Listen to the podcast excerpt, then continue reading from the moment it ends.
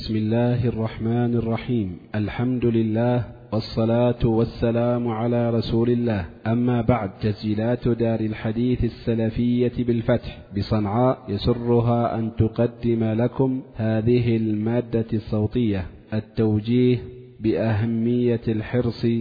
على سلامة الوجوه وهي عبارة عن خطبة جمعة لفضيلة شيخنا المحدث الناصح الأمين أبي عبد الرحمن يحيى بن علي الحجوري حفظه الله تعالى سجلت هذه الخطبة في مسجد الفتح بالعاصمة صنعاء في العاشر من شهر رجب لعام 1435 من الهجرة والآن مع المادة الصوتية والسلام عليكم ورحمة الله وبركاته الحمد لله نحمده ونستعينه ونستغفره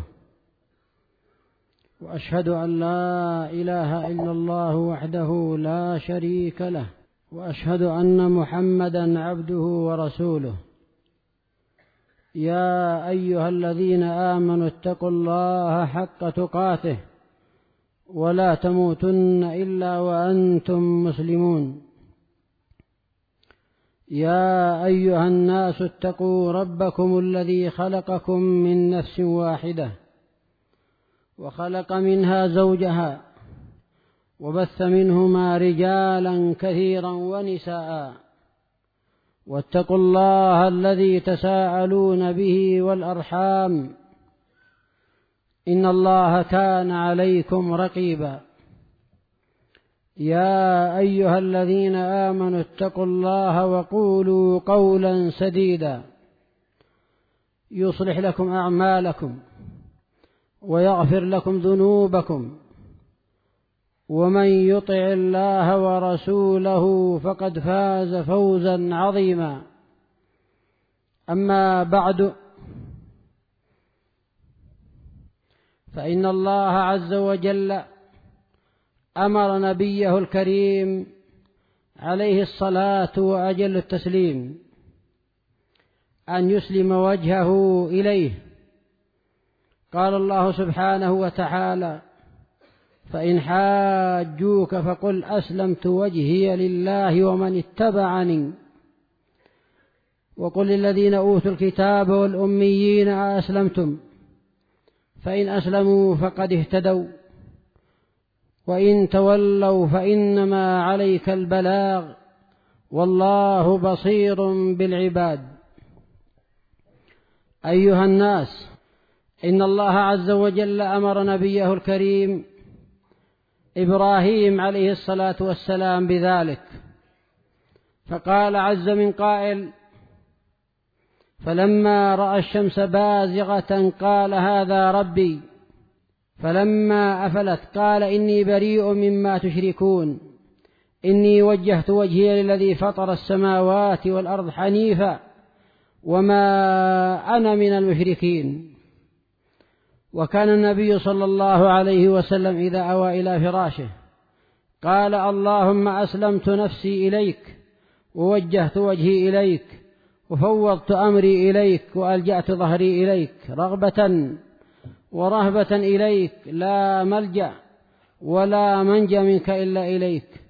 آمنت بكتابك الذي أنزلت ونبيك الذي أرسلت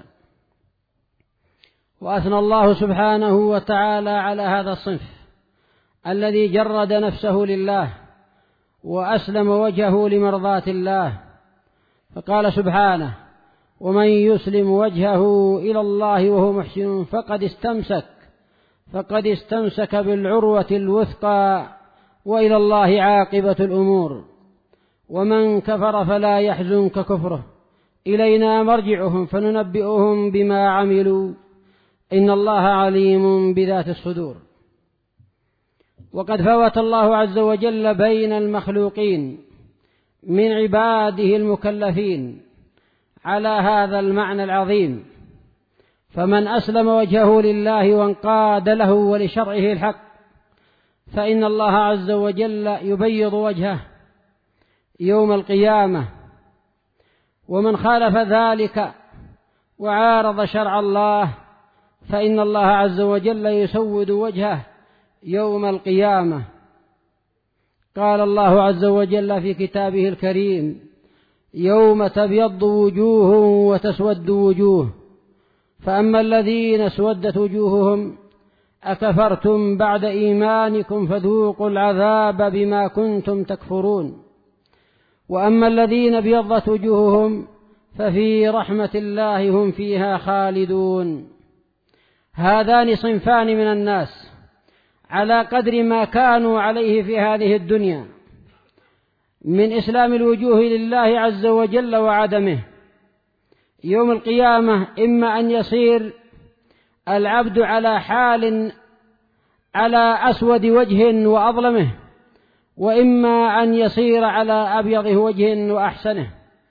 وكل ذلك ليس على البشرة ولا على الجنس وإنما هو على الأعمال الصالحة ودونها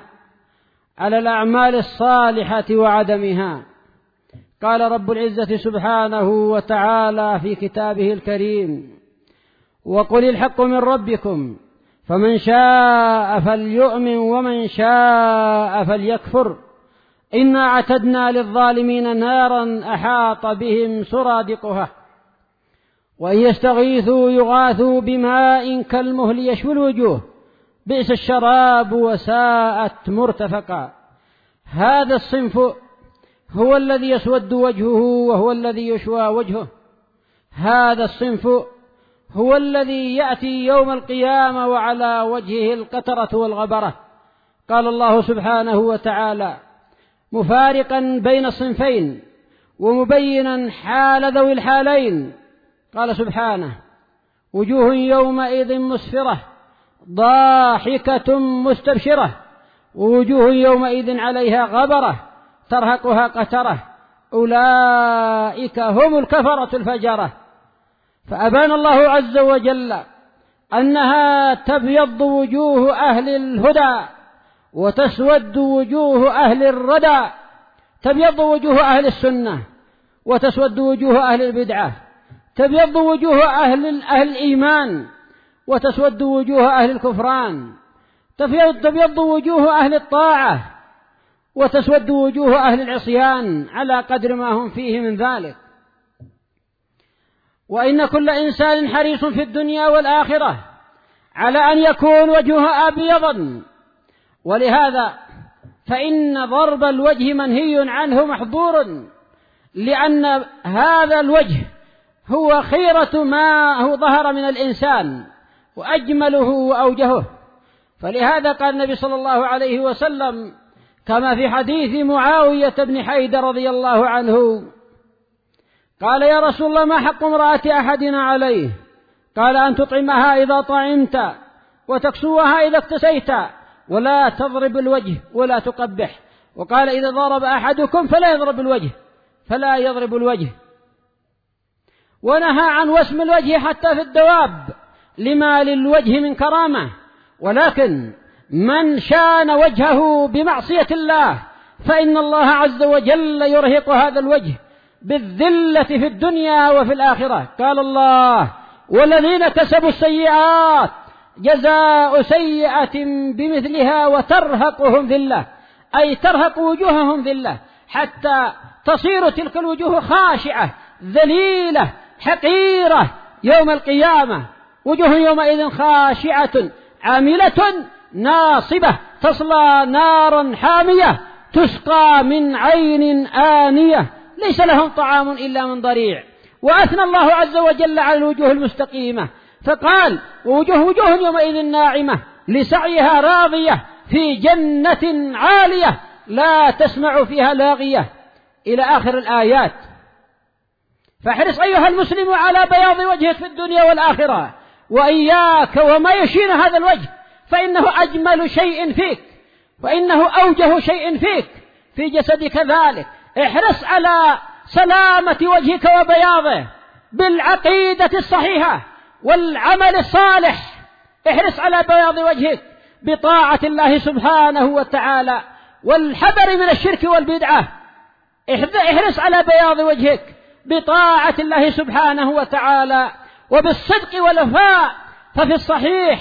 عن أبي عن ابن مسعود رضي الله عنه أن النبي صلى الله عليه وسلم قال إن الصدق يهدي إلى البر وإن البر يهدي إلى الجنة ولا يزال الرجل يصدق ويتحرى الصدق حتى يكتب عند الله صديقا وإن الكذب يهدي إلى الفجور وإن الفجور يهدي إلى النار ولا يزال الرجل يكذب ويتحرى الكذب حتى يكتب عند الله كذابا هذا الصنف لا شك أنه, لا يخ... أنه يخالجه سواد الوجه وضيق الصدر والريبة وعدم الاطمئنان لما ثبت من حديث الحسن بن علي رضي الله عنه أن النبي صلى الله عليه وسلم قال إن الصدق طمأنينة والكذب ريبة يوم القيامة هذه الوجوه تخضع كلها لله سبحانه وتعالى سواء وجوه البررة أو وجوه الكفرة ولكن هذا الخضعان لا ينفع إلا من كان طائعا للرحمن لأنه في حين قد فات الأوان وعنت الوجوه للحي القيوم وقد خاب من حمل ظلما هكذا يقول الله سبحانه وتعالى فكل الوجوه تخضع وكلها تذل وكلها ترضخ لله سبحانه وتعالى لكن ذلك لا ينفع تلك الوجوه المكفرة الوجوه التي قال الله سبحانه وتعالى وجوه يومئذ ناظرة إلى ربها ناظرة هذا ينفعها الخضوع ذلك اليوم ووجوه يومئذ باسرة تظن أن يفعل بها فاقرة كلا إذا بلغت التراقي وقيل من راق وظن أنه الفراق من ذلك الحين تختلف الوجوه فإذا رأيت إنسانا يحتضر وهو على طاعة الله ترى علامة بياض وجهه من ذلك الحين وترى سواد وجه العاصي من ذلك الحين فما بالك بما بعده أيها المسلمون احرصوا على بياض الوجوه وسلامتها مما يشينها ويكدرها ويشوهها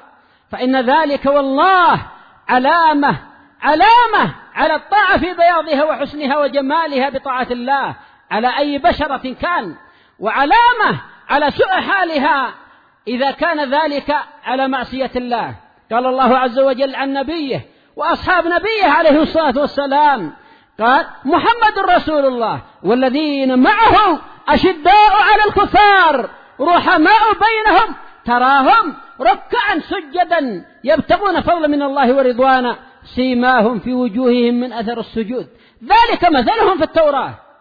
حتى في التوراة مثلهم ذلك أن علامة السجود وعلامة الطاعة وعلامة البشر وعلامة الجمال على وجوههم بطاعة الله سبحانه وتعالى والآخر أيضا علامة الباطل على وجهه من أثر الجحود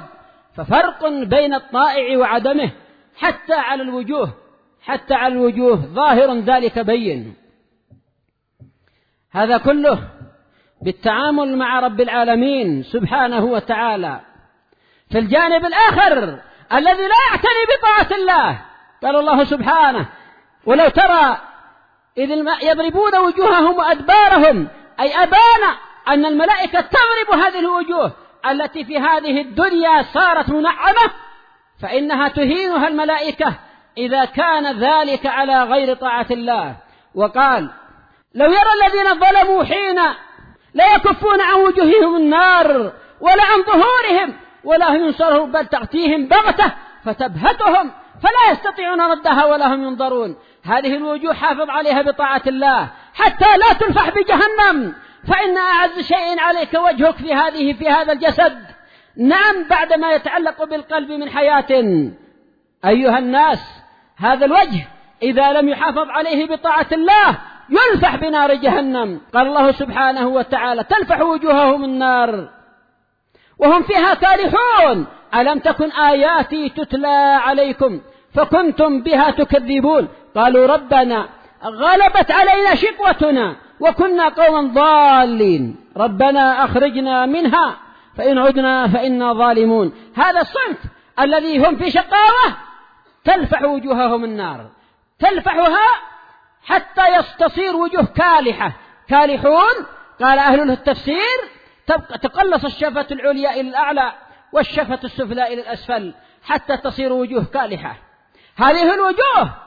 بها بياض وسواد بسبب النزاهة وعدمها ففي الصحيح أن النبي صلى الله عليه وسلم قال إن المسألة كد يكد بها الإنسان وجهه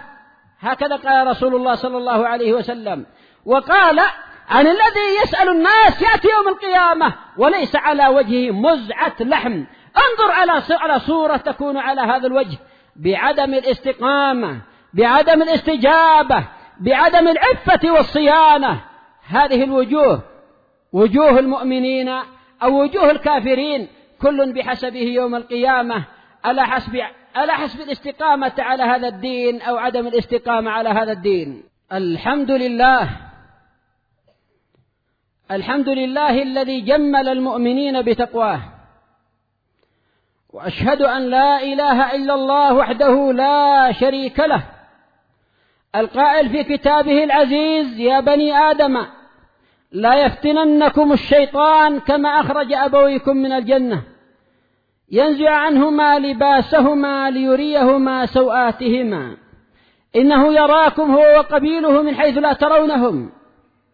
إنا جعلنا الشياطين أولياء الذين لا يؤمنون وإذا فعلوا فاحشة قالوا وجدنا عليها آبانا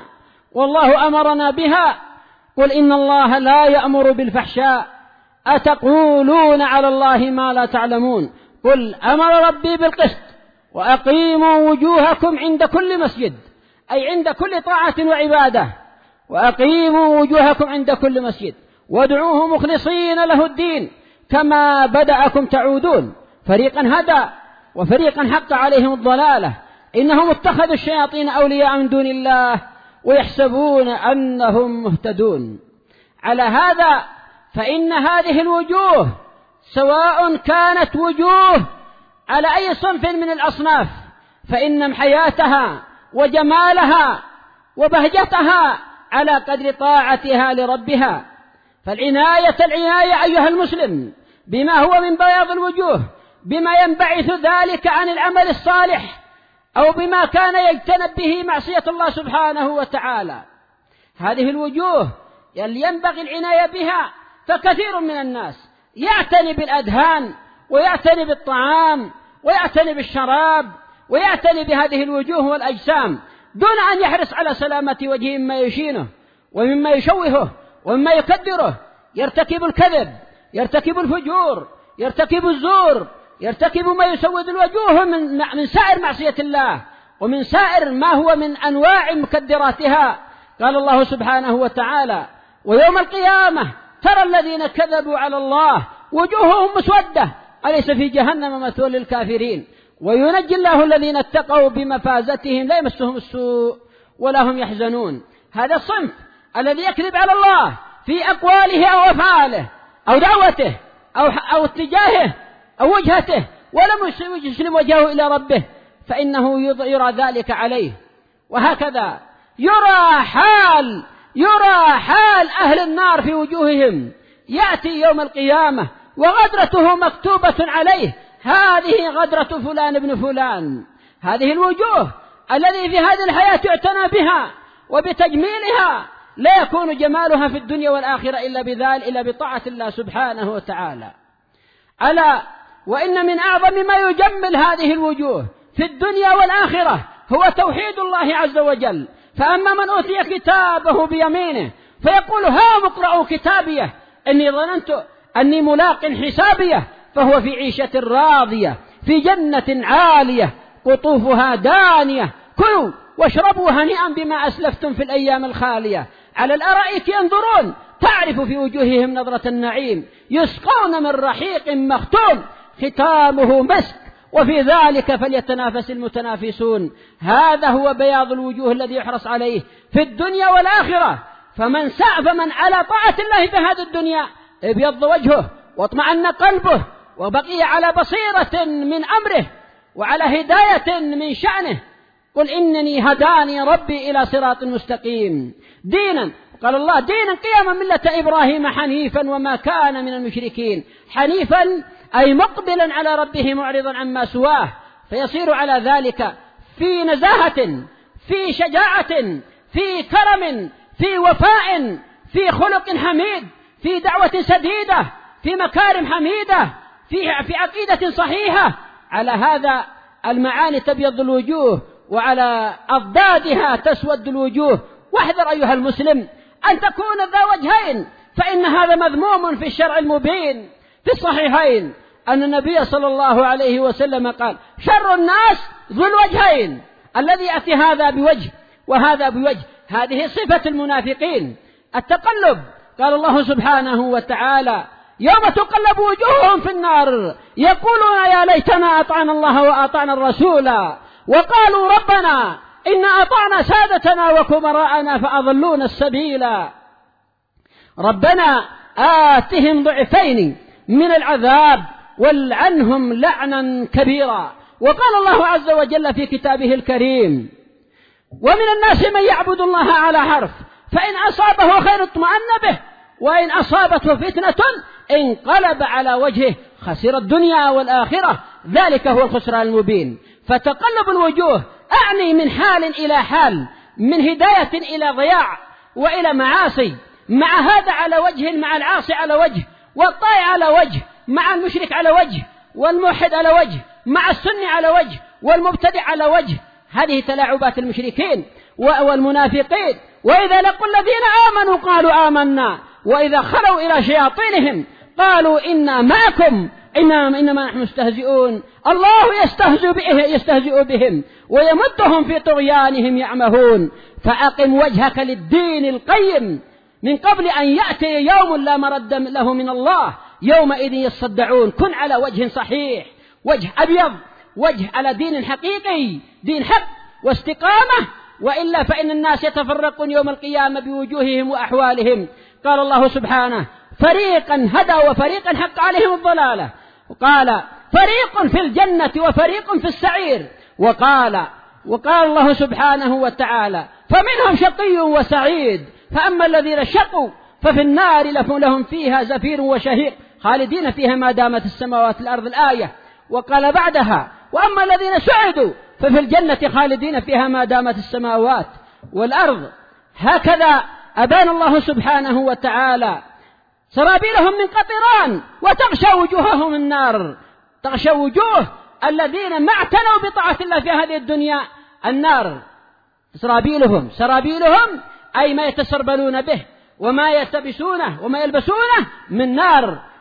قال الله سبحانه فالذين كفروا قطعت لهم ثياب من نار يصب من فوق رؤوسهم الحميم يصهر به ما في بطونهم والجلود ولهم مقامع من حديد كلما أرادوا أن يخرجوا منها من غم أعيدوا فيها وذوقوا عذاب الحريق هذا حال الناس في هذه الدنيا في وجوههم وأحوالهم ويوم القيامة في وجوههم وأحوالهم وأقوالهم وأفعالهم نسأل الله عز وجل بمنه وكرمه أن يبيض وجوهنا في الدنيا والآخرة وأن يدفع عنا وعن بلادنا وسائر بلاد المسلمين الفتن ما ظهر منها وما بطن واحذروا عباد الله من البدعة والفتنة أبو أمامة رضي الله عنه حين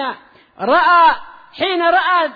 رؤوس الخوارج على درج دمشق نظر إليها وبكى ثم قال رضي الله عنه ثم قال رضي الله عنه كلاب النار كلاب النار شر قتلى تحت أديم السماء وخير قتلى من قتلوه ثم تلا قول الله عز وجل يوم تبيض وجوه وتسود وجوه يدلل بذلك على أنها تسود وجوه أهل الأهواء وتبيض وجوه أهل الاستمساك وأهل طاعة رب الأرض والسماء والحمد لله رب العالمين